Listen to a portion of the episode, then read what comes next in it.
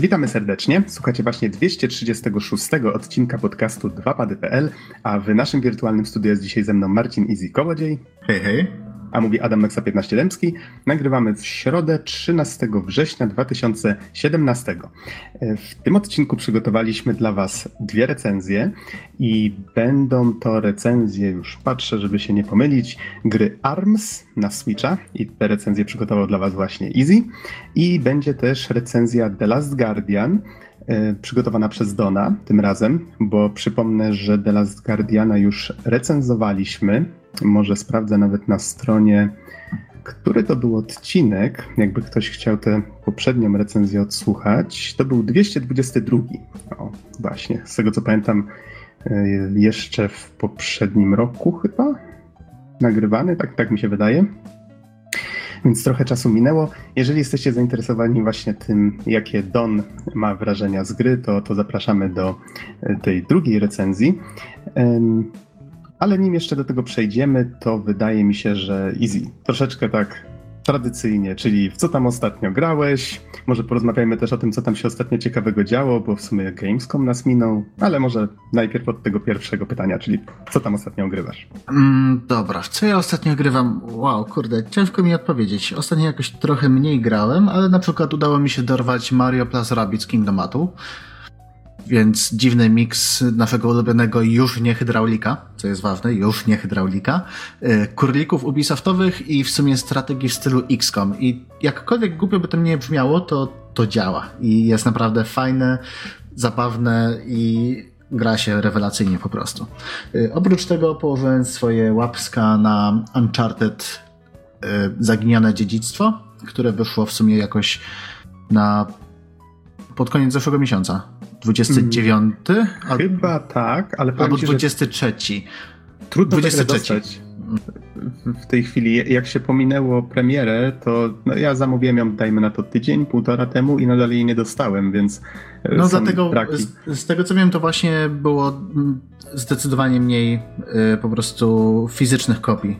To zostało bardzo fajnie, bardzo fajnie się rozeszło na PlayStation Store, co nie, w cyfrówkach, ale za to, jako że to jest delcek, no to nie sprzedają aż tak dużo fizycznych egzemplarzy.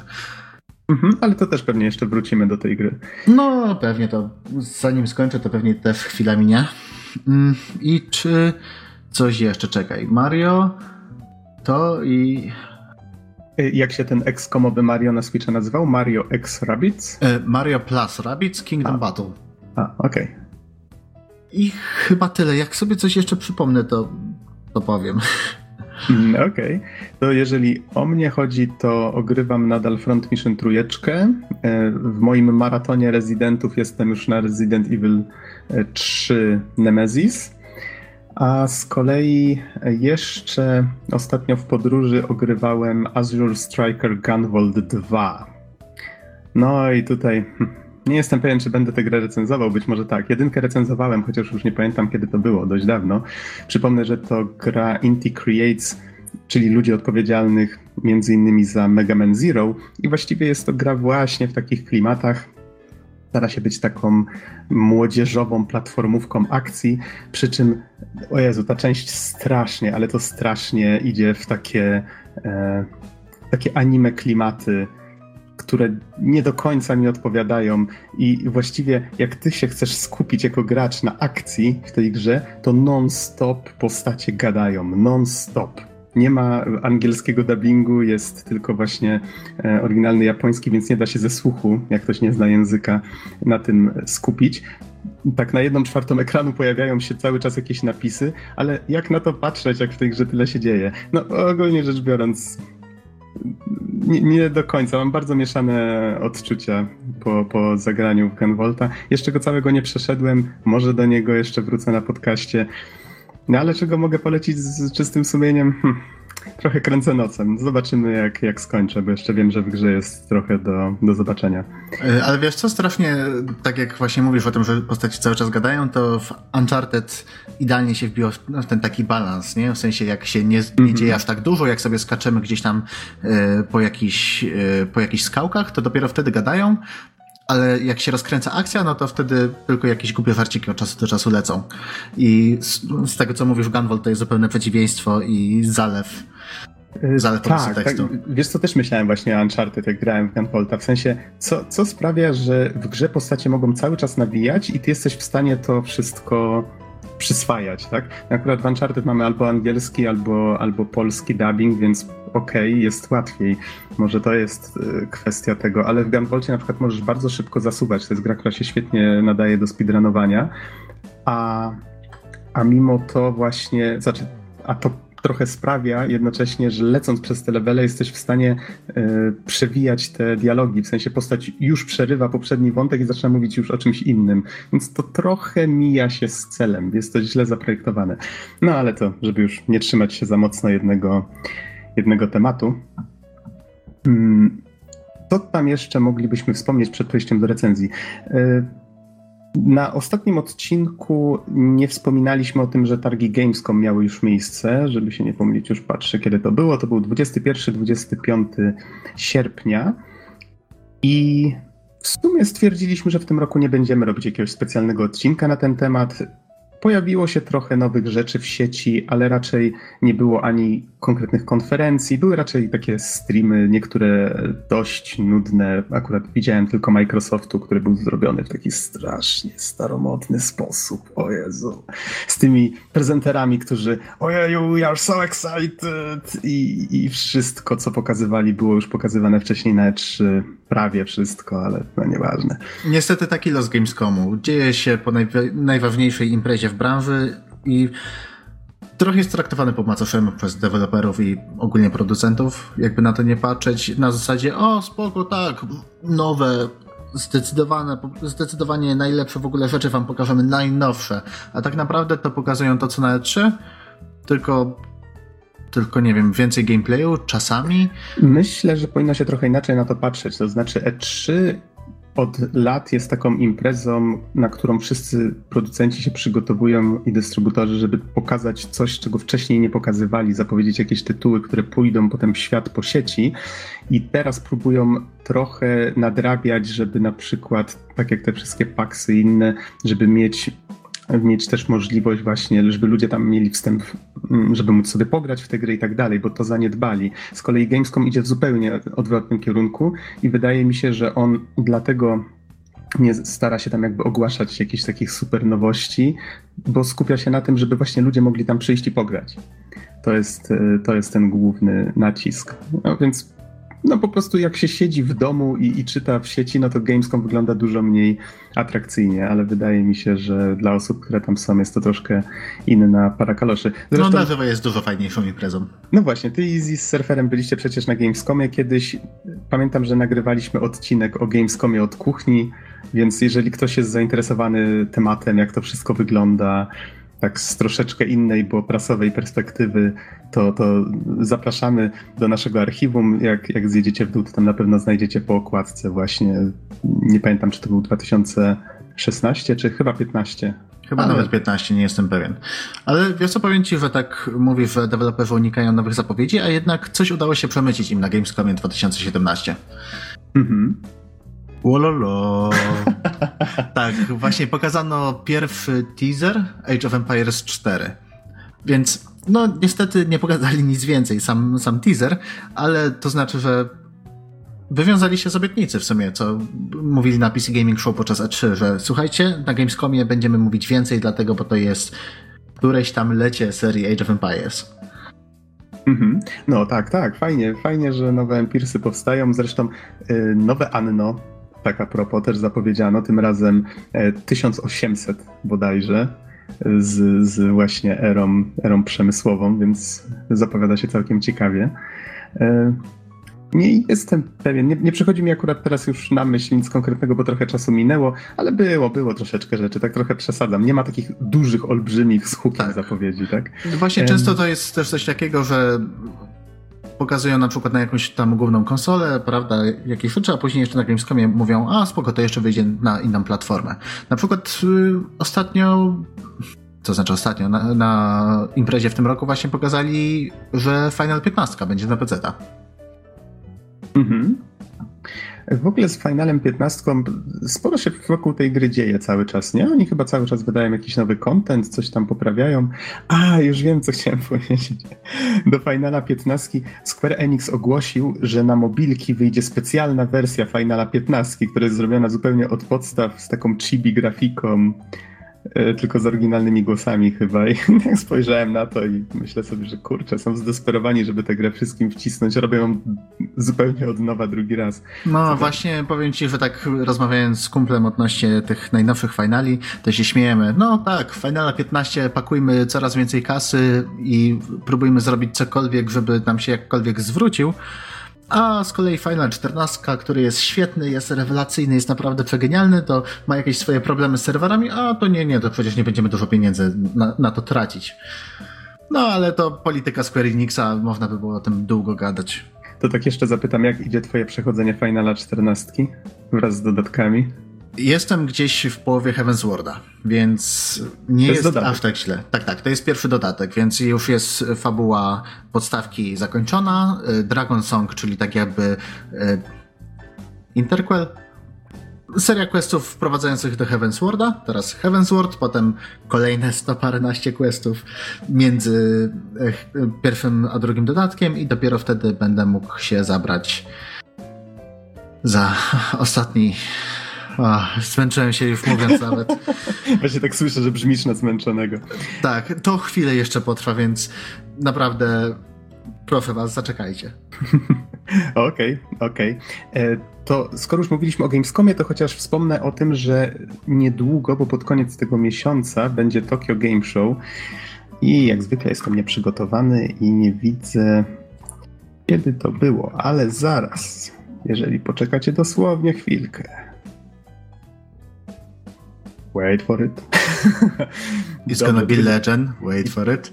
Tak, to będzie 21-24 września będzie się odbywało Tokyo Game Show, czyli właściwie taka trzecia największa na świecie impreza e, związana z grami i będzie na niej e, Arkadiusz Rejkowski, który gościł tutaj u nas już przy różnych okazjach, Ostatnio przy, jak żeśmy recenzowali Personę Piątkę wspólnie tutaj w większej grupie yy, i już z nim rozmawiałem już powiedział, że bardzo chętnie opowie też troszeczkę o swoich wrażeniach z tej imprezy na podcaście, więc wait for it, tak? Na pewno coś będziemy jeszcze o Tokyo Game Show mówić. Tak może, żeby mm, tak może, żeby ten brak Gamescomu trochę, trochę wynagrodzić podcastowy. I wydaje mi się, że chyba nie ma już co bardziej wstępu przedłużać. Przejdźmy może do recenzji i przypomnę, że w tym odcinku recenzujemy The Last Guardian i będzie go recenzował Don i Easy będzie recenzował bijatykę, taką nietypową bijatykę na Switcha, czyli ARMS.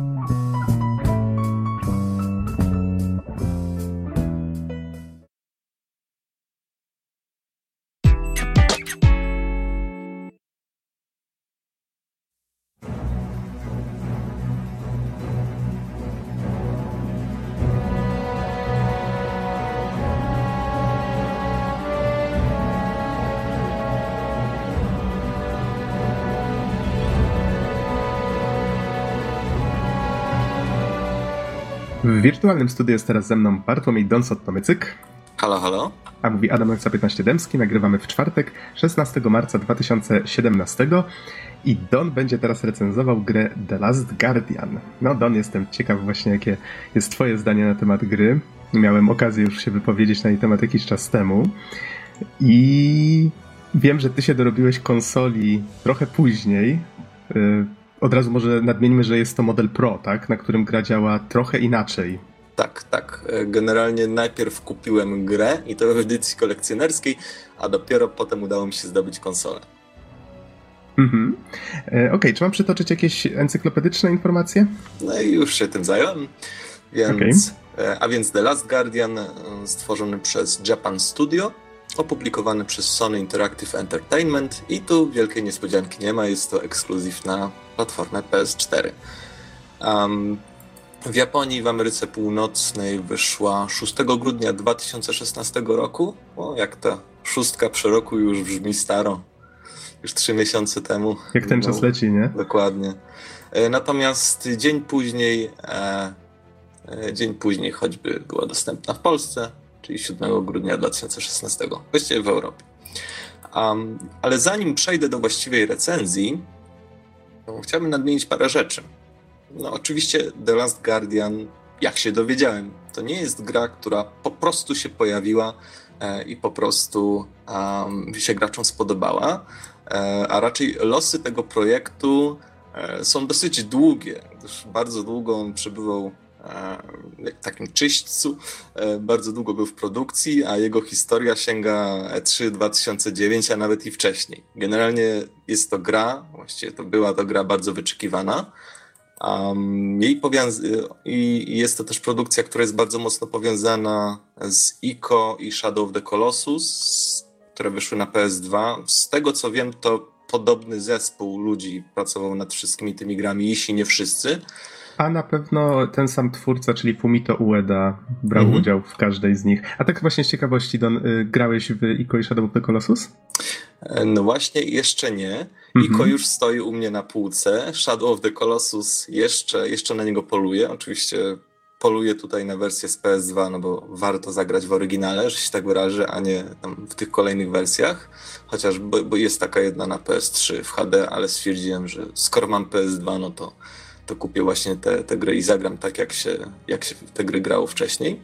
Więc y, tutaj moje spojrzenie będzie troszeczkę inne niż na przykład Noxa, bo w gruncie rzeczy jestem osobą, która ma dopiero pierwszy kontakt z jedną z tych gier. E, I tą pierwszą grą jest właśnie The Last Guardian. Wcześniej były one, były one mi właściwie niemal całkowicie obce. E, natomiast The Last Guardiana nie czekałem przez lata a, a dopiero od momentu, kiedy, kiedy najnowsze trailery się pokazały i, i na E3, e, kiedy na E3 mm, je zobaczyłem, i, I, wtedy faktycznie zacząłem na tę grę czekać. Więc można powiedzieć, że moje spojrzenie no, będzie trochę odmienne, być może bez, bez tych dodatkowych emocji, które mogłyby, mogłyby towarzyszyć takiemu e, długiemu czekaniu. E, być może też chłodnym okiem. Zobaczymy, jak to wyjdzie. E, w każdym razie tak to będzie wyglądać. Mhm. Okej, okay. to od czego chcesz zacząć? No, myślę, że warto zacząć jak sama gra, czyli trafimy w sam środek akcji. Chłopiec, którego kontrolujemy, budzi się w ruinach tuż obok śmiertelnej bestii. No i bestia, chociaż przykuta jakimś łańcuchem, jest wciąż niebezpieczna, no i też zraniona. I właściwie już w trakcie nauki tego, jak kontrolujemy tego chłopca, jak, jak możemy tam skakać, nim troszeczkę się wspinać, już w tym momencie zaczyna się budowanie więzi między oboma tymi postaciami. I co jest bardzo dobrym zabiegiem, to więź ta budowana jest poprzez rozgrywkę. Oczywiście, żebyśmy wiedzieli, co do nas należy i w jaki sposób e, trzeba zrobić progres w tej grze, żeby gdzieś postąpić dalej, głos narratora. E, podejrzewam, że to po prostu jest e, głos tego chłopca, tylko który opowiada pewne wydarzenia po latach, więc już jest dorosłą osobą. E, on opowiada nam, przekazuje nam pewne szczegóły na temat tego, e, co powinniśmy zrobić. I pierwszą taką rzeczą, jedną z pierwszych, którą musimy zrobić, to właściwie nakarmić bestię. I w pobliżu leżą takie, e, takie beczki z pokarmem. Rzucamy jemu, i co jest ciekawe, bestia, i tutaj zdradzę ten pewien szczegół, bestia nie zje ich, dopóki będziemy blisko, musimy się oddalić. I dlaczego to jest ważne? Tego typu detali w grze jest bardzo dużo, także w tej dalszej. I one często mają duże znaczenie, bo mówią nam o postaciach, e, które występują, o stanie tych postaci, o emocjach, jakie rządzą tymi postaciami w danym momencie. I w ten sposób bardzo dużo treści przekazywane jest bez słów, a jedynie poprzez interakcje, konkretne interakcje, bądź sposób, w jaki, jaki przeprowadzamy te interakcje. Mhm. I dodam jeszcze, że gra była przez wiele osób krytykowana właśnie za to. To było uważane i za zaletę, i za wadę, że bardzo często pewne rzeczy są niejasne, że musimy się sami domyślać, sami obserwować i Trico właśnie zachowuje się jak takie żywe stworzenie, które myśli za siebie. E, to znaczy, akurat z tym żywym stworzeniem bym nie przesadzał, mhm. ale, ale faktycznie Trico no, sprawia wrażenie autonomiczności. Tak? On Trico does what Trico feels like, ale do tego jeszcze przejdziemy.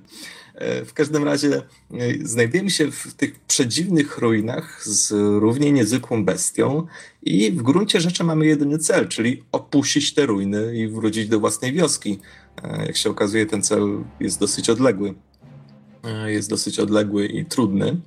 E, natomiast kiedy po raz pierwszy wychodzimy z zamkniętej jamy, jaskini, czy też jakiejś hali, jakkolwiek by tego nie nazwać, e, jesteśmy na takim wielkim tarasie pokrytym drzewami i widać stąd cały kompleks wież, budowli, jakichś dziwnych konstrukcji.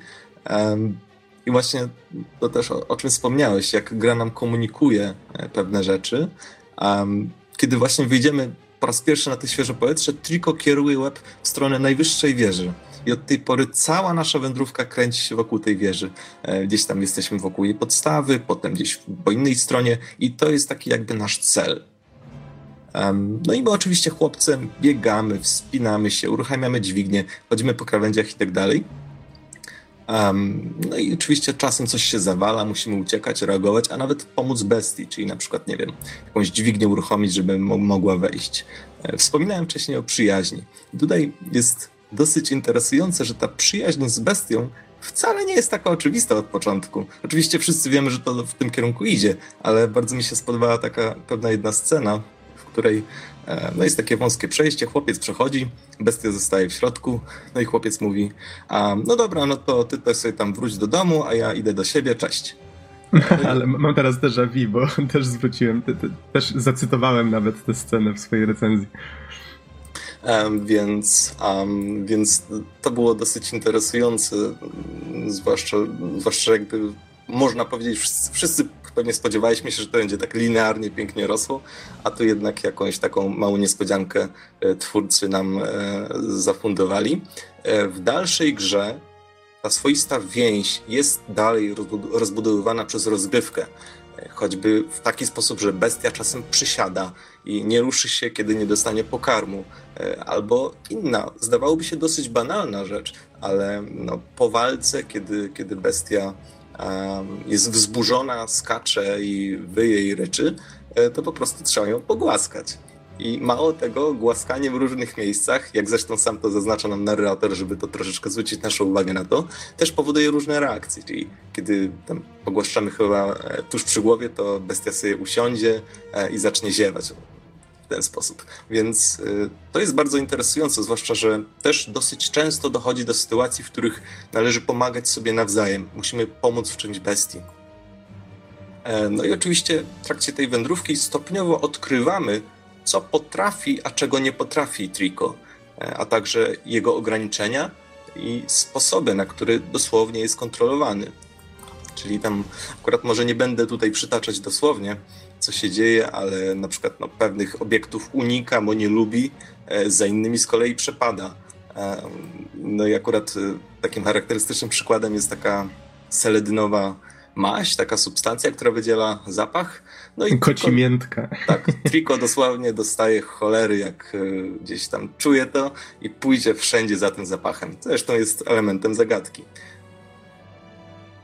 I jakby te wszystkie, te wszystkie funkcje, one po pierwsze budują nam tło, jakieś pojęcie na temat tego, gdzie jesteśmy i jaką rolę w tym wszystkim odgrywa bestia, czyli Trico, ale z drugiej strony one są najpierw pokazywane, a potem powracają, tak jak wspomniałem, w formie zagadek. Czyli na przykład najpierw uczymy się, że możemy wspinać się po bestii. Okej, okay, super, możemy się chwycić, wejść na grzbiet, na głowę, nawet po ogonie zejść. I następnie, kiedy twórcy jakby powiedzmy uznają, że, że my dowiedzieliśmy się, jak to działa, e, nagle rzucają nam pewne wyzwanie, bo być może będziemy musieli użyć ciała bestii, żeby się gdzieś dostać, żeby na przykład tam wejść na głowę i dopiero potem gdzieś skoczyć na jakąś platformę. Um, I co mi się z jednej strony podoba, a z drugiej strony właśnie to, to, co, przy, to co przywołałeś, um, że czasem musimy zwracać uwagę na takie, czasem nawet dosyć drobne detale na przykład kiedy Trico wskakuje do wody, to przez chwilę jej poziom się unosi, no bo bestia ma jednak swoją masę. I nawet na takie detale gra czasem każe nam zwracać uwagę, bo one mogą okazać się ważne. Mhm, tak, tak. Jest dużo takich fajnych szczegółów i mam wrażenie, że to jest właśnie i wielka zaleta, i dla niektórych może się okazać też wadą, bo dzisiejszy gracz jest przyzwyczajony bardziej do tego, że gra mu wskazuje palcem wyraźnie, co trzeba zrobić. W The Last Guardian nie zawsze jest to nie zawsze jest to oczywiste. E, chociaż nie wiem, czy to zauważyłeś, ale ja się o tym dowiedziałem dopiero po przejściu gry. Jak wciśniesz bodajże lewą gałkę, czy przytrzymasz ją przez jakiś czas, to narrator się, od, bohater zaczyna medytować i narrator się odzywa e, specjalnie, żeby nam podpowiedzieć, co dalej robić.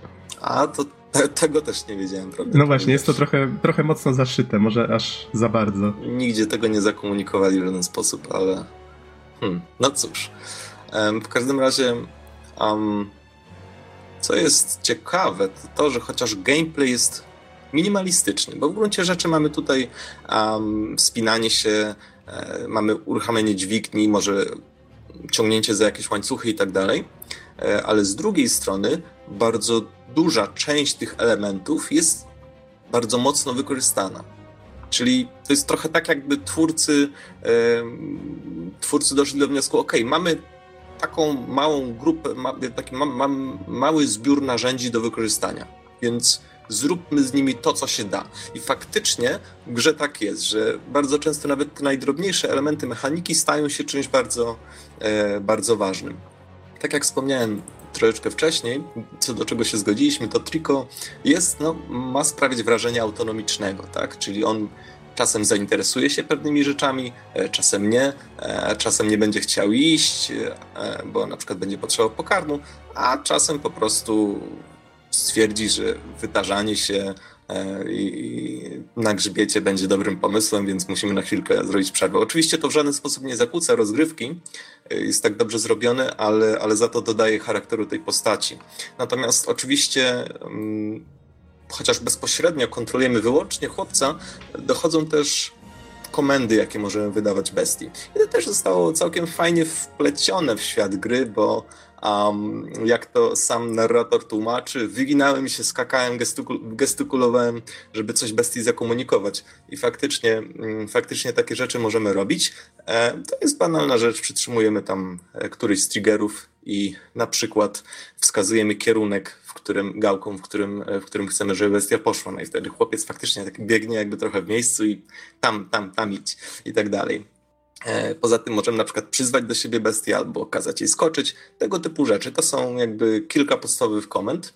E, natomiast e, ja jednak no niestety doszedłem do wniosku, że one działają, tak? Te komendy działają, natomiast w niektórych momentach zdarza się, że przekonanie Triko, żeby wszedł w jakieś miejsce albo wykonał jakąś akcję, może być wyzwaniem. Tak, to zdecydowanie nie jest gra dla mm, osób, które nie są cierpliwe, bo potrafi się.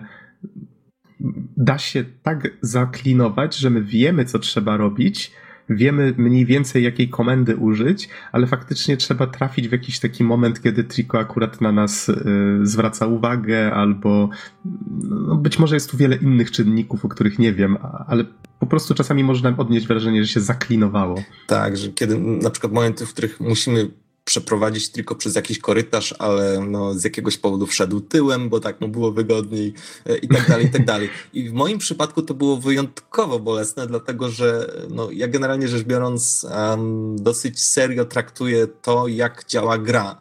Więc kiedy w pewnym momencie mm, wydałem komendę i Trico zamiast wejść w dany korytarz, w który wydawało mi się, że może wejść, on po prostu gdzieś tam do niego zajrzał i chyba zmienił swój kierunek, to doszedłem do wniosku, okej, okay, więc tutaj pewnie nie może wyjść. E, I po, po jakichś 20-30 minutach okazało się, że jednak może wyjść, tylko po prostu didn't feel so. E, więc tutaj niestety jest to mylące momentami i no, no cóż, no, nie warto tutaj się tym zrażać, tylko po prostu, a, tylko po prostu wypróbować pewne opcje, co do których myślimy, że są rozwiązaniem. E, przy czym, no właśnie tutaj też trochę na obronę muszę powiedzieć jednak mimo wszystko, dlatego że um, tak jak to tutaj pojawia się ten wątek Trico, miał sprawiać wrażenie e, niezależnej osobowości, tak? która, e, która w miarę naturalnie się porusza i jakby z którą możemy podjąć jakąś współpracę, ale jednak mimo wszystko nie jest to robot, e, nad którym możemy po prostu przejąć kontrolę i wskoczyć, um, tylko jakby no ta istota, która, która gdzieś tam spojrzy na nas i zareaguje. Więc tutaj trudny był balans pomiędzy, e, pomiędzy takim rozwiązaniem, w którym gracz po prostu spamuje komendami i triko w końcu na którąś reaguje tak jak trzeba, e, a pomiędzy, a pomiędzy właśnie tym, że to musi jeszcze naturalnie wyglądać, więc to niestety, niestety to momentami zgrzyta. E, chociaż są takie momenty, w których po prostu bestia sama wie, gdzie iść, interesuje się pewnymi rzeczami, po prostu siedząc na jej grzbiecie, e, automatycznie gdzieś tam przejdzie trochę dalej, więc no, jakby są to momenty upierdliwe, ale są też takie, które, które całkiem się udały. E, jeżeli Poza to komuś, jeżeli mogę się trącić, jeżeli to komuś pomoże, to odniosłem wrażenie grając, że Trico często rozumie komendę, ale bardzo trudno dostrzec ten sygnał od niego, że on faktycznie wie, że okej, okay, okej, okay, zrozumiałem, tylko trzeba chwilę poczekać, tak, wykazać się tą cierpliwością i obserwować, co on robi w danym momencie. Mhm, dokładnie, no bo to miało być, miało być realistyczne, miało być naturalne. W każdym razie inna rzecz, która dosyć mocno mnie uderzyła, to praca kamery. E, pamiętam jakby mój pierwszy moment, kiedy, kiedy udało się wyjść z jaskini, Um, no to chciałem się rozejrzeć tą kamerą po okolicy, faktycznie zobaczyć. No i kończyło się w tym, że albo kamera lądowała gdzieś w koronach drzew, albo przy trawie.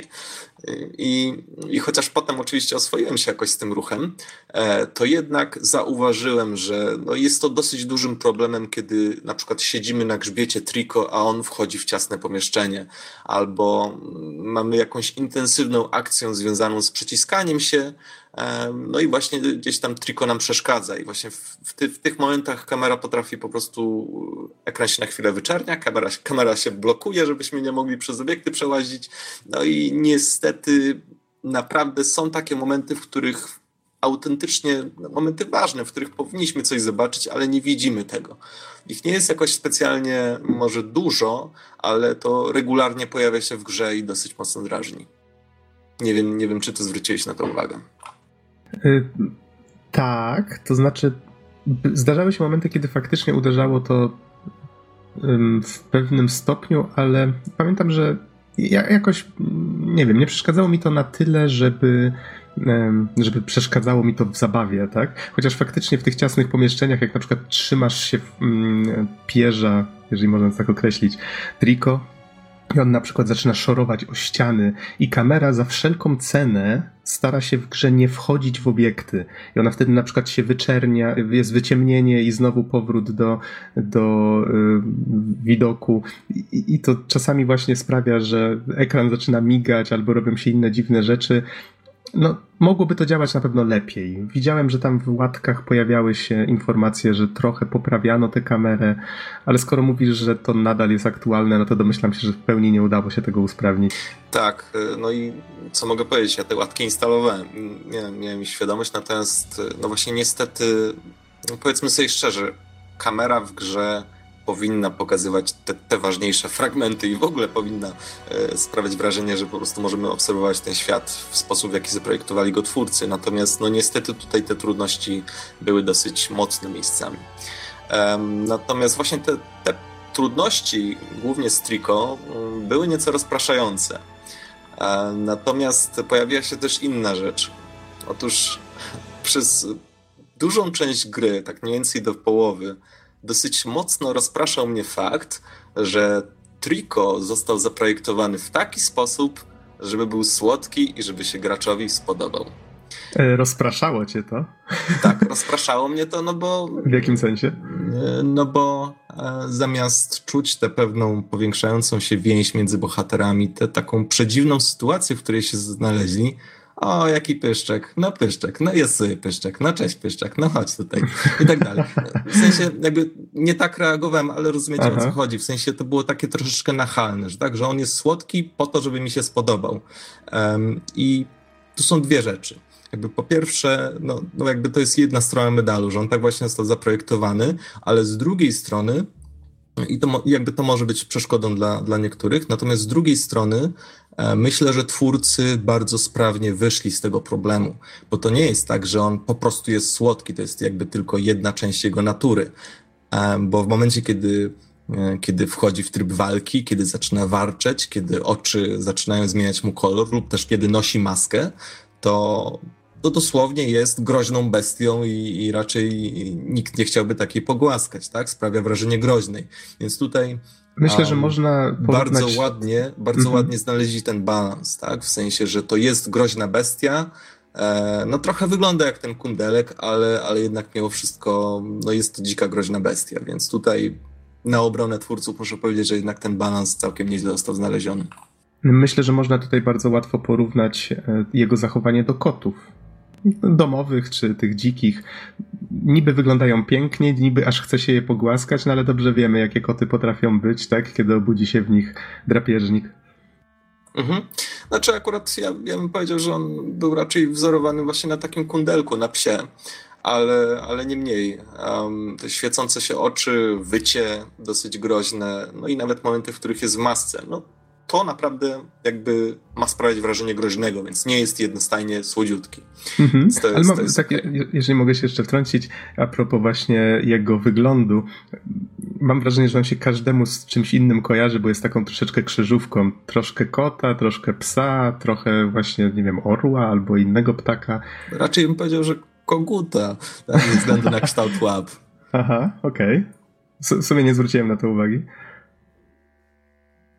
E, no i no tak, tak to mhm. wyglądało, e, więc w moim przypadku akurat e, ta więź zaczęła przemawiać do mnie w dalszej części gry.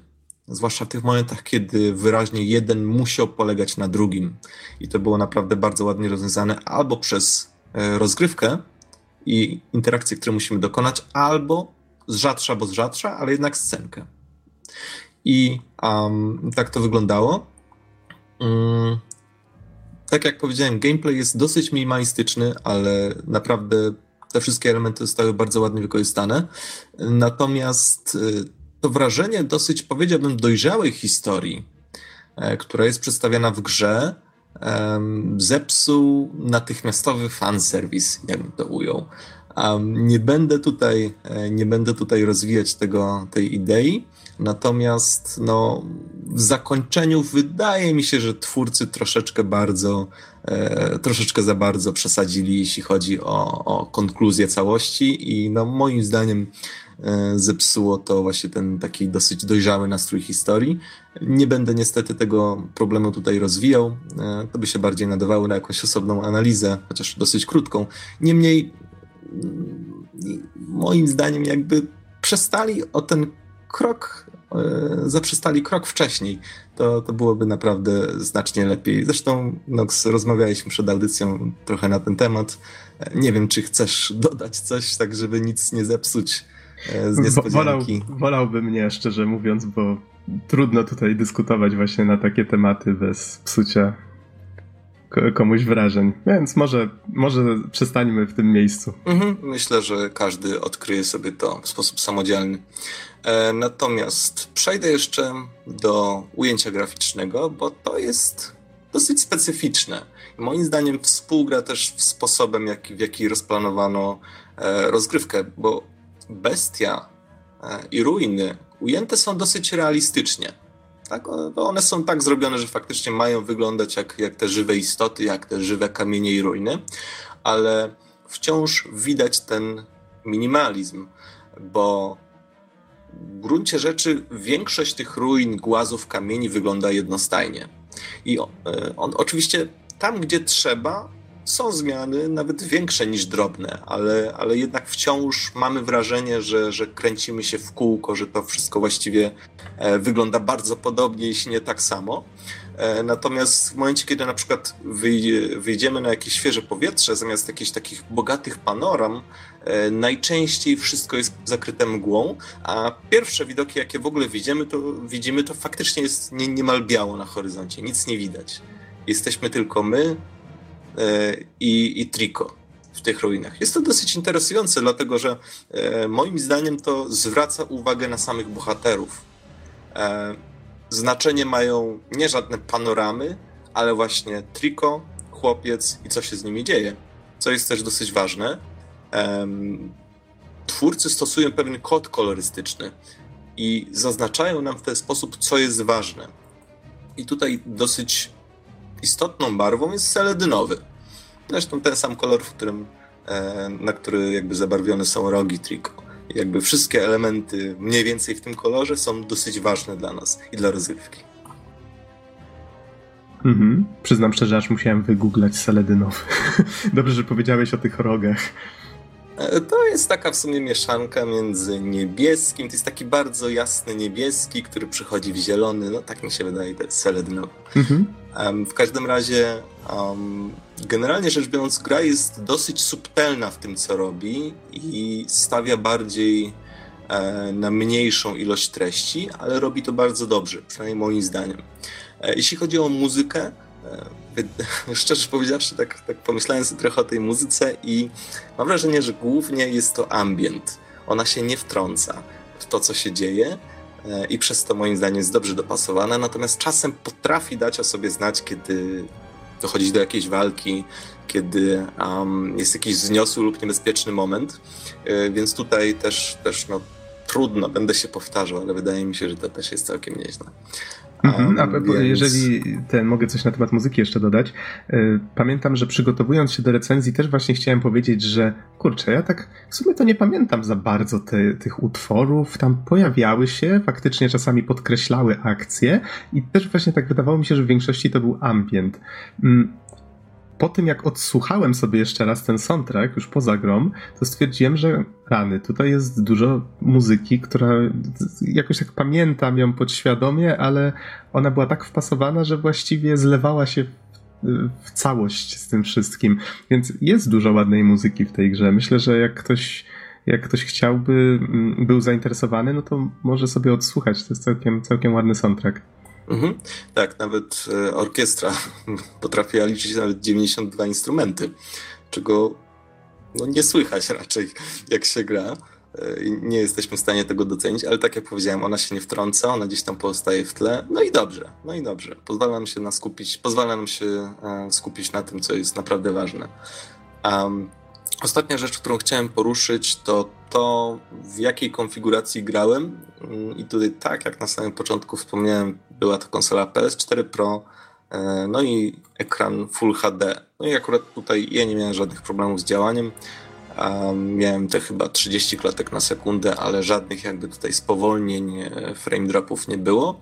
E, natomiast z tego co słyszałem, jeśli zdecydujemy się na grę na przykład na konsoli PS4, to mogą być pewne problemy z ilością klatek na sekundę. Tak, z tego co czytałem i zamieszczałem e, linka z analizą Digital Foundry pod recenzją swoją, to faktycznie to tak było dwadzieścia kilka klatek ponoć gra trzyma na podstawowej edycji i jeszcze chyba nie jest w pełni płynna, gdy gramy na PS4 Pro w wersji 4K. Więc jeżeli mnie pamięć nie myli, to właśnie ta wersja PS4 Pro i rozdzielczość Full HD to było takie najbardziej optymalne, jeżeli ktoś ceni sobie e, prędkość e, działania. Ostatnia rzecz, którą jeszcze chciałem poruszyć w tej recenzji, to w gruncie rzeczy edycja kolekcjonerska, e, którą, którą zakupiłem. I no cóż, oczywiście jest tam załączona jakaś tam kartka z zestawem naklejek e, czy artbook, ale wydaje mi się, że jakby główną atrakcją e, w tej kolekcjonerce jest figurka.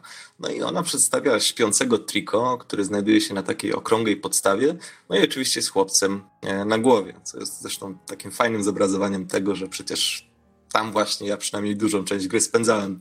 Nam niby mówili, że nie, nie dawać sobie dzieciakom wchodzić na głowę, no ale... Triko nie słuchał. A no, widzę, że jeszcze... Jak, jak, już ustaliliśmy, to Triko był dosyć powolny, jeśli chodzi o myślenie, więc... Zwłaszcza tak, słuchanie komend. E, widzę, że jeszcze w tej edycji kolekcjonerskiej jest Steelbook i, i Artbook. Tak. I, I to są jakby elementy bardzo fajne zresztą.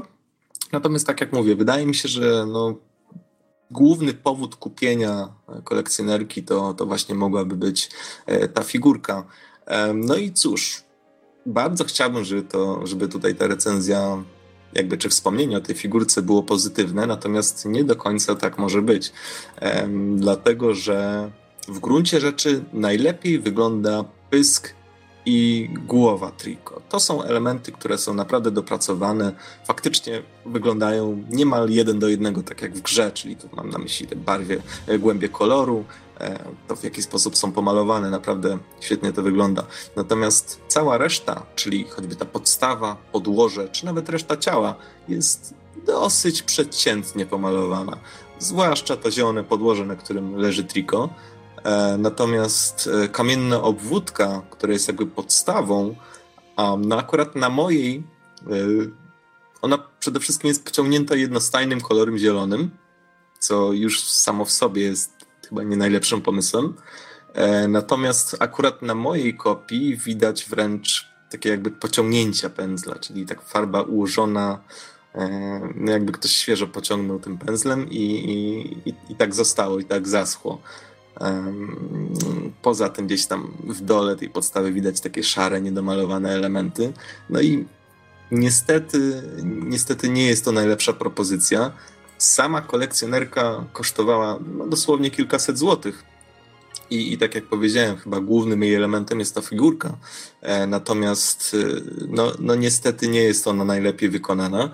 Pomijając już fakt, że um, grając w grę naprawdę widać e, już podczas samej rozgrywki kilka, nawet znacznie, wie, znacznie więcej e, ciekawszych konceptów, w jakich można by uchwycić e, chłopca i Triko, chociażby, nie wiem, Triko, który gdzieś tam stoi na łapach i gdzieś tam sięga, e, czy z, rozłożonymi skrzydłami itd., tak itd. Tak Oczywiście wiadomo, że projekt figurki jest zależny od terminów, finansów e, i innych tego typu rzeczy, ale jednak cena jest ceną.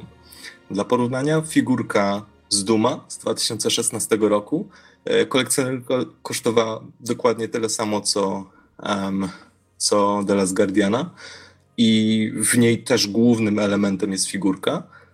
Ta figurka z Duma naprawdę jest perfekcyjnie pomalowana i perfekcyjnie wygląda z każdej strony nawet z tej zdawałoby się najmniej ważnej. Więc tutaj, um, no, jeśli, jeśli ktoś e, jeśli komuś naprawdę bardzo się spodobała ta gra i koniecznie chciałby mieć coś z tej gry mm, na półce, to zdecydowanie polecam. E, sam bardzo się cieszę, że, że jednak jakiś, e, jakiś ślad mam i że Trico sobie u mnie śpi na półce. Zresztą, Nox, e, sam widziałeś, jak to wygląda. I, tak, zgadzam Wydaje mi się, że, że wygląda to całkiem fajnie. Natomiast, no, jeśli mm, ktoś nie jest zdecydowany do końca, czy, czy chciałby mieć, czy nie, i czy czy, i nie jest pewny, czy miałoby to dla niego jakiekolwiek znaczenie, że, że powiedzmy Trico u niego sobie tam śpi na półce, to, um, no to raczej bym odradzał. Chociaż szczerze powiedziawszy, jak tak stoi sobie na, na półce bez przyglądania się i bez wytykania, to, to wygląda całkiem sympatycznie. Czyli póki nie podejdziesz za blisko, tak? To jest wszystko ok. Trochę tak. E, ale jak ale mówię, do, wydaje mi się, że... do pewnego stopnia spełnia swoją rolę. Mhm. Wydaje mi się, że w twoim przypadku warto wspomnieć, że ty masz dość sporo tych figurek, więc masz już porównanie, tak? Jeżeli ktoś rzadko kupuje kolekcjonerski, być może miałby trochę mniejsze wymagania. Um, no nie jestem tego taki do końca pewien, prawdę powiedziawszy, ale, ale jakby co zostaliście ostrzeżeni, więc, e, więc przejdę już do podsumowania, chyba że masz jeszcze jakieś pytania lub wątpliwości. No raczej nie. Myślę, że możesz podsumowywać. No cóż, ja na The Last Guardiana nie czekałem wiele lat. Właściwie w porównaniu do chyba, najzago, naj, chyba do najza, najga, najzagorzalszych fanów, język mi się plącze, w porównaniu do najzagorzalszych fanów pewnie dosyć krótko. E, natomiast mimo to um, widzę, że The Last Guardian jest na pewno produkcją niezwykłą, na pewno produkcją inną e, niż większość e, powstających. I chociaż niestety chciałoby się, żeby ona nie miała wad. No, ja osobiście chciałbym, żeby ten Trico był trochę szybszy, jeśli chodzi o, o komendy i, i żeby ta kamera lepiej pracowała i też, żeby, żeby twórcy żeby twórcy nie robili instant fan serwisu e, w pewnym momencie. Natomiast mimo to jest to gra naprawdę bardzo intrygująca, dosyć dojrzała i po prostu unikalna. Więc jeśli ktoś tutaj naprawdę ze słuchaczy mocno interesuje się grami, lubi to medium, to myślę, że The Last Guardian jest czymś, co po prostu trzeba kupić i trzeba zagrać.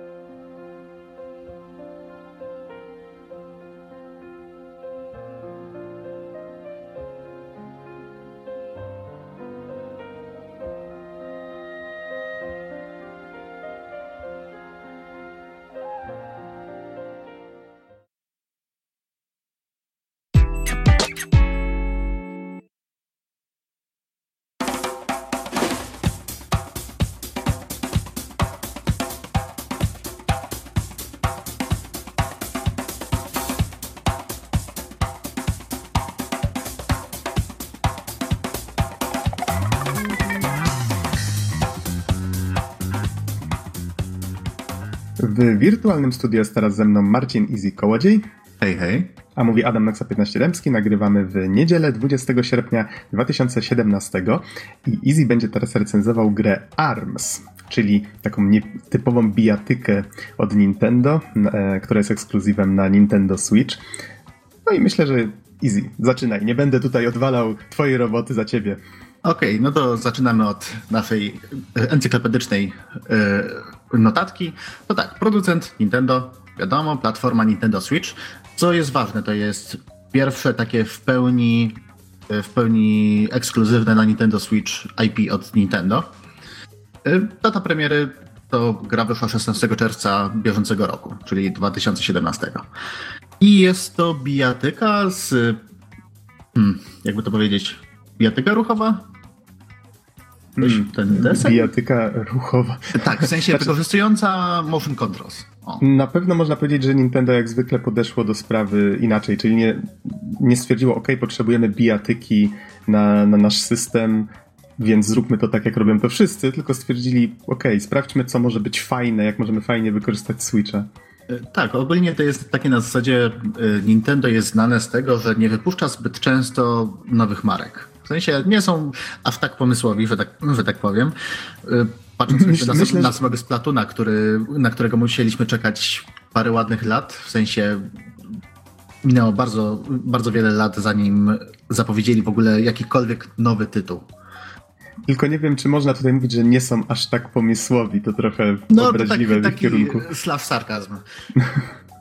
No, ale... ale wiadomo o co chodzi, że, że faktycznie są ostrożni, jeżeli o to chodzi, ale się otwierają w tej chwili. Tak, to jest taki okres. To, to jest super. W ogóle Nintendo ostatnio bardzo dużo dobrych decyzji podejmuje. Zresztą ARMS też, też sobą reprezentuje parę takich dobrych decyzji. Ale właśnie to jest zabawne, że z jednej strony rzeczywiście mają masę fajnych pomysłów, jakieś takie najróżniejsze rzeczy, które nie robi nikt inny, ale z drugiej strony, co widać bardzo dobrze na przykładzie ARMS, to jest coś takiego, że widzimy tą grę i pierwsze co przychodzi do głowy, a, Nintendo. Mhm, tak, to, to będzie to.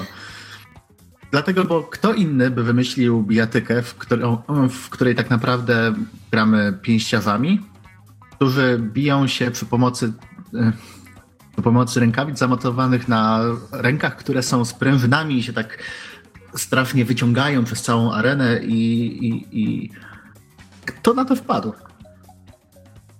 No właśnie, ale powiedz może, jak ten pomysł tak fajnie rezonuje z samym Switchem, z tym jak konsola jest zbudowana, bo to, to jest chyba najciekawsze w tym wszystkim. E, ogólnie to dzięki temu, że mamy dwa kontrolery, dwa joycony, to w, e, w każdej ręce trzymamy jednego. I to, co jest właśnie bardzo fajne w sterowaniu, które jest zresztą mega responsywne, to tak, to trzymamy przede wszystkim taki tryb pięściarza tak zwany, czyli, yy, czyli przyciskami L i R na górze, tak jakby zwróconymi do nas, żebyśmy mieli je pod kciukami. I po prostu tak jak, tak jak bokser uderzamy. Leci piącha, to możemy nawet ją podkręcić, yy, przekręcając nadgarstek w locie i wtedy rzeczywiście nasza piącha zawraca w lewo albo w prawo. I to daje masę radochy, wow, nie, naprawdę nie spodziewałem się. Jak zobaczyłem pierwszy trailer, to było na zasadzie mm, Nintendo coś znowu wymyśla, w ogóle nie wiem, jakiś lubi pomysł motion controls. Kto w ogóle w tych czasach robi motion controls? A później zagrałem w pierwszego Global Test Punch i nagle się okazuje, że wow, ale ta gra jest fajna, pozytywna i ściągająca. Nie? Do tego jeszcze jest, kolory się z niej wylewają. Nie? Wszystko jest takie mega kolorowe, takie trochę cukierkowe, trochę przesadzone i widać, widać, że to Nintendo, widać ich rękę tutaj i rzeczywiście to, że to pomysł od A do Z przez nich wdrożony. No to tak a propos pozytywności, właśnie też miałem o tym wspomnieć, że, że bardzo to widać w oprawie. E, a, a propos, skoro już przy tym jesteśmy, tutaj na okładce rzuca mi się to w oczy. Mamy tutaj tych pięściarzy, tak? Różne postacie zaprojektowane od podstaw każda, czyli każdy może mieć jakąś tam swoją ulubioną postać. Może powiedz coś więcej na ten temat, czy granie różnymi postaciami wpływa w jakiś sposób na gameplay albo coś w tym rodzaju? To znaczy tak, na mechanikę nie wpływa aż tak bardzo. Rzeczywiście, postaci jest 11, każda ma jakieś swoje specjalne umiejętności. A to mamy double, triple jump, mamy na przykład e, Springman, tak jakby właśnie ten główny bohater, który jest na okładce, e, jak ma bardzo mało hapsów, to wtedy dużo szybciej uderza. Najbardziej to się różni, jeżeli mamy postacie lekkie i ciężkie. ciężkie postacie po prostu często mogą na przykład przyjąć jeden cios na klatę i, i dalej się ruszać, dalej, dalej uderzać. Reszta postaci, jeżeli oberwie, no to wtedy można im przerwać ciosy. I spoko, mamy, mamy te 11 postaci i każda postać ma swoją dedykowaną sobie arenę, razem oczywiście z motywem przewodnim. I do wyboru jeszcze, to, to jest chyba najważniejsze, że wchodząc do walki możemy sobie wy, wybrać trzy typy rękawic, których będziemy korzystać podczas walki i co więcej, między rundami możemy się przełączyć między tymi typami. Dzięki czemu możemy modyfikować naszą strategię w locie, możemy się bawić różnymi rodzajami, rodzajami rękawic, sprawdzać jakie kombinacje pasują, jakie nie, nie pasują, co będzie dobre na daną arenę. I kombinowania jest w sumie całkiem sporo. Z jednej strony rzeczywiście to jest taka bijatyka, że można do niej wejść, można pograć, po prostu pomachać łapami, żeby było fajnie i w, tym bardziej grając z przyjaciółmi jest naprawdę mega zabawa, ale jeżeli chcielibyśmy się tak wgryźć w szczegóły, to okazuje się, że jest tego dosyć sporo, ale to nie wynika tak jakby z samej mechaniki, tylko bardziej właśnie z takiego dostosowywania rękawic i, i grania wokół aren, na których się poruszamy. Mhm. A właśnie, skoro już wspomniałeś o arenach, czy one się różnią jakoś tak szczególnie, czy to jest tylko wizualna kwestia? Różnią się szczególnie. Każda ma jakiś taki twist. Mamy na przykład Minmin, która y, walczy w gigantycznej misce, tak jakby. Mamy y, Ninjarę, który, y, którego arena to są tak naprawdę schody i walka tam polega na tym, żeby być na górze, być wyżej od przeciwnika i dzięki temu mieć po prostu większe pole do popisu. Y, mamy też takie dziwne areny jak y, Kit Kobry, gdzie mamy platformy, na które jak skoczymy, to wtedy możemy się dużo szybciej poruszać. Nie? Więc to działa zarówno na plus gry, jak i na minus niestety. Ale to chyba o tych, o tych różnicach opowiadam za chwilę. W sumie co do samych, y, co do samych trybów rozgrywki, to też warto zaznaczyć, że mamy zarówno do grania na singlu całkiem sporo, do grania na multi, offline i online. Offline możemy grać spokojnie do czterech graczy.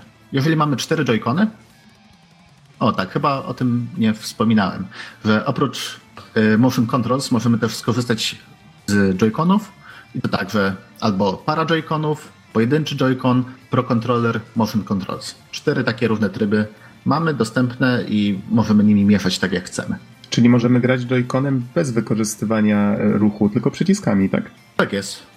Aha, o, o tym nie wiedziałem. E, I tak, wtedy jakby... wszyscy grają na jednym ekranie?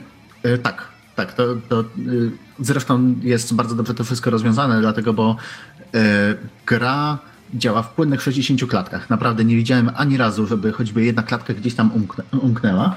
Chyba, że gramy na, czter na czterech graczy, wtedy mamy odświeżanie 30 klatek w sensie najpierw się odświeża lewa strona ekranu, potem prawa strona ekranu.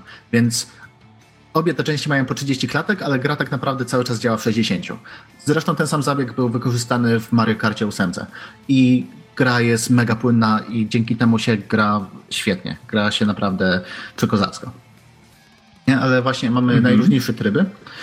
Y, niestety na singlu to nie ma co tutaj szukać. Tak naprawdę mamy, mamy ten kolorowy świat, mamy masę różnych postaci, które się diametralnie od siebie różnią, ale nic więcej o nich nie ma. Mamy tryb Grand Prix, gdzie możemy stoczyć 10 walk z rzędu z kolejnymi zawodnikami, ale co z tego, jeżeli w innych biatykach przeważnie mamy story mode, albo nawet w arcade jest trochę więcej informacji, a tutaj nie mamy nic oprócz dosłownie jednego zdania wypowiadanego przez komentatora. Czyli twórcy skupili się raczej na takim klimacie turnieju, jak się domyślam. Yy, tak, tak. Właśnie yy, skupili się na grze multiplayerowej, tak naprawdę. Aha. Nie, ale... Tutaj jeszcze, jeżeli mogę się wtrącić, mhm. wspomniałem mm -hmm. o tym turnieju, bo widziałem kilka gameplay i muszę przyznać, że bardzo fajnie udało im się to zbudować, tak, właśnie taką otoczkę, że jak to oglądałem, to miałem wrażenie, że oglądam jakiś stream z imprezy sportowej. Właśnie o to im chodziło, dlatego, bo w świecie ARMS właśnie samo ARMS to jest tak naprawdę nowa dyscyplina sportowa. I dlatego Aha. dzięki temu nawet, nawet sama muzyka jest taka mega budująca, gdzie Wow, nie, naprawdę jakbym oglądał jakieś wydarzenie sportowe i muzyka tego typu by leciała, to miałbym taki hype i po prostu skakałbym przed telewizorem, patrząc co się dzieje. Polecam, polecam właśnie -hmm. posłuchać gdzieś tam na YouTubie e, motywu przewodniego, jest fenomenalny. Znaczy, może poza grą nie ma aż takiego sensu i nie jest aż taki fajny, ale wewnątrz gry spełnia swoje zadanie w 100%. I domyślam się, że to też wspiera może troszeczkę pomysł. Nie wiem, czy Nintendo będzie zmierzać w tym kierunku, ale chyba tak, biorąc pod uwagę, e, że ze Splatoonem chyba to robią, czyli e-sport. Czy, czy tak. myślisz, że ARMS się nadaje do e-sportu? E, wiesz co, to jest super dobre pytanie i ciężko mi w tym momencie odpowiedzieć, tak naprawdę. Dlatego, bo z jednej strony właśnie mamy motion controls, mamy taką czysto rozrywkową zabawę, prawda? Tak skupiając się bardziej nie na aspekcie kompetytywnym, tylko żeby z przyjaciółmi, przyjaciółmi gdzieś tutaj pograć. Ale z drugiej strony mamy rankedy, w których możemy normalnie cisnąć. Tylko problem jest taki. Gra na motion controlsach, przeciwnik gra na propadzie albo na dwóch joyconach, to wtedy masz ciężej. Masz zdecydowanie ciężej, bo pomimo tego, że sterowanie jest super świetnie zaprojektowane, to brakuje tej precyzji, którą ma, mamy po prostu grając na padzie. Mhm, czyli, czyli jednak. Czyli to, jest, to, będzie naprawdę problem, chyba że to będą turnieje na żywo i rzeczywiście te turnieje na żywo to będzie tylko motion controls. I to rzeczywiście nawet świetnie wyglądało. Y, przy okazji E3 y, właśnie był pierwszy taki turniej, gdzie uczestnicy targów mogli zagrać i mm, było całkiem spoko ale dopiero jak wszedł główny producent na scenę i grał z e, mistrzem, właśnie zwycięzcą całego turnieju, to dopiero on wtedy pokazał, jak powinno się grać w tą grę i rzeczywiście to, to wyglądało świetnie. Pan Yamagi. Też na YouTubie jest masa nagrań. Mister Yamagi Arms i będzie, będzie sporo nagrań, naprawdę. Ale Y, właśnie to, to jest mój problem, bo niestety esporty, żeby, żeby dobrze funkcjonowały, to potrzebują właśnie y, mieć jakieś mm, ustalone warunki, które będą takie same zarówno w internecie, zarówno na rankedach i tak samo na lanach, tudzież imprezach offline'owych. Więc to może po prostu nie wyjść. Tym bardziej, że gra nie jest aż tak dynamiczna i dla oglądającego z zewnątrz rzeczywiście na początku może być fajnie, ale później szybko się robi nudna, dlatego, bo to jest to samo. Mamy te same mechaniki, w sensie lewa piącha, prawa piącha, chwyt, do tego jeszcze skok i unik. To tego nie ma dużo. I to będzie prowadziło do tego, że po prostu nie będzie się oglądało aż tak przyjemnie e, gier i nie będą one tak trzymały w napięciu, jak na przykład Street Fighter, gdzie prawda, ktoś jest na magicznym pikselu i wyprowadza jakieś mega combo, korzystając z błędu przeciwnika. Mhm. Ale czytałem jakiś wywiad właśnie z twórcami, w którym e, zapewniali, że planują dodawać ciągle jakąś nową zawartość, czy to właśnie tych, e, tych wojowników, czy, czy jakieś nowe areny, więc domyślam się, że to, to będzie o tyle fajne, że faktycznie ta gra będzie się rozrastać z czasem. Czy to widać już teraz, bo minęło jednak trochę czasu od premiery? To jest właśnie ten aspekt y, Nintendo, który ostatnio wychodzi właśnie bardzo na plus. W sensie y, Nintendo widać, że słuchają swoich fanów. Przynajmniej niektóre dywizje Nintendo słuchają fanów. Y, I mówię tutaj tak, takiej uszczypliwość w stronę tych, tych klasycznych SNESów, których będzie oczywiście za mało. No ale wracając do ARMSów. Y, widać, że słuchają i rzeczywiście wypuścili już jedną postać, oczywiście z postacią nową arenę, z, do tego trzy nowe rękawice. Wszystko na razie za darmo w formie patchy. Plus do tego ludzie się bardzo skarżyli na chwyty, że były mega mocne i były problemy właśnie z, ze spamerami. W sensie ludzie, którzy wchodzili na, rękę, na rankedy i robili rzut, rzut, rzut, rzut. Dlatego, bo to było po prostu najmocniejsza technika. To dobra, powiedzieli w takim razie idzie patch, w patchu będzie znerfiony. Super.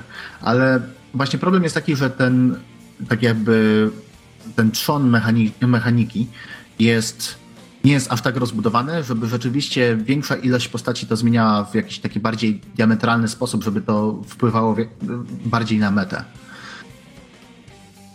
bo jednak te zwykłe umiejętności te właśnie związane z tymi postaciami, które aktualnie mamy, to to za mało. Po prostu to jest za mało. Mhm.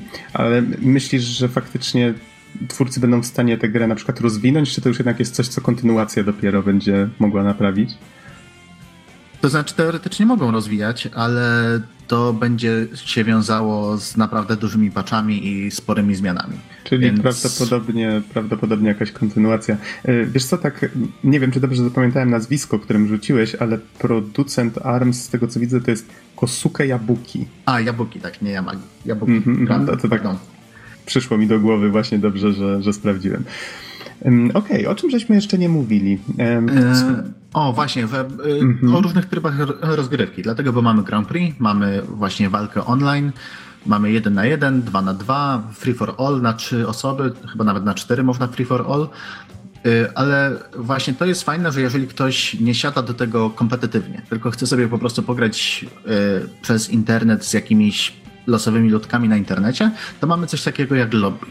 Innym słowem, w 8 osób wbijamy na lobby i wtedy losowo nas dobiera w różnych konfiguracjach i gramy w różne tryby rozgrywki.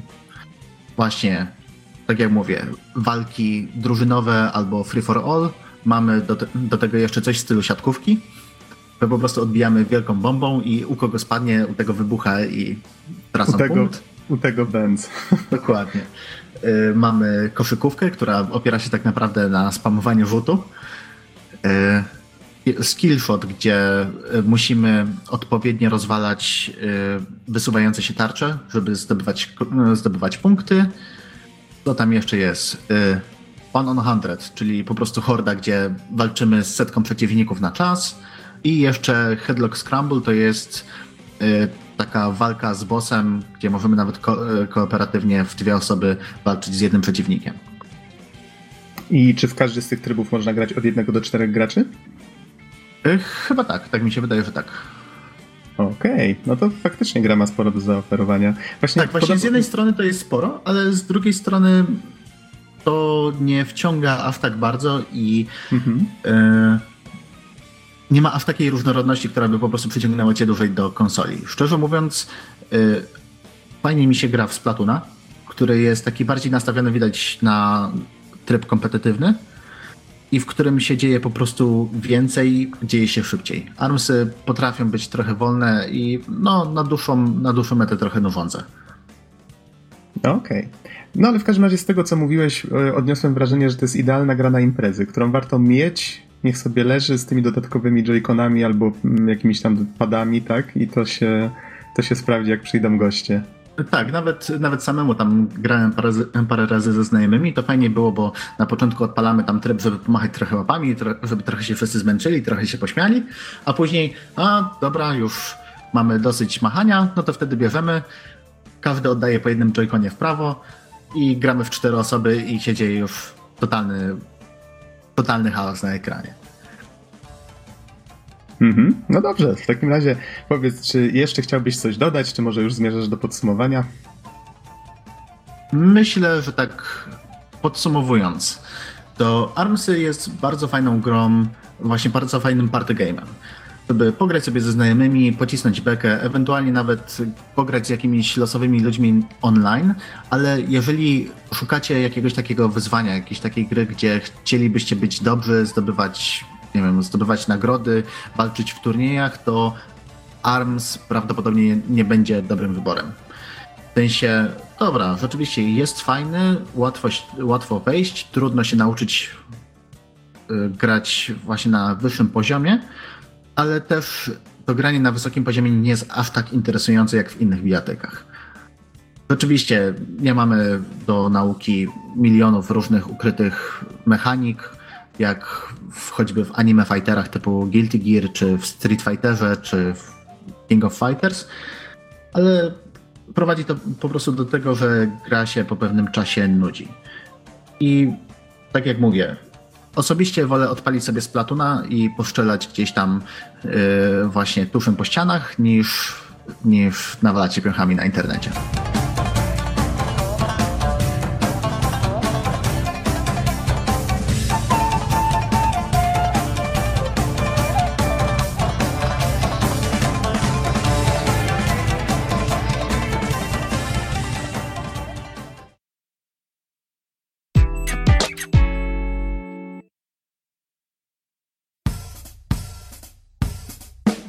To już wszystko w tym odcinku. Dziękujemy Wam bardzo za uwagę i do usłyszenia w następnym.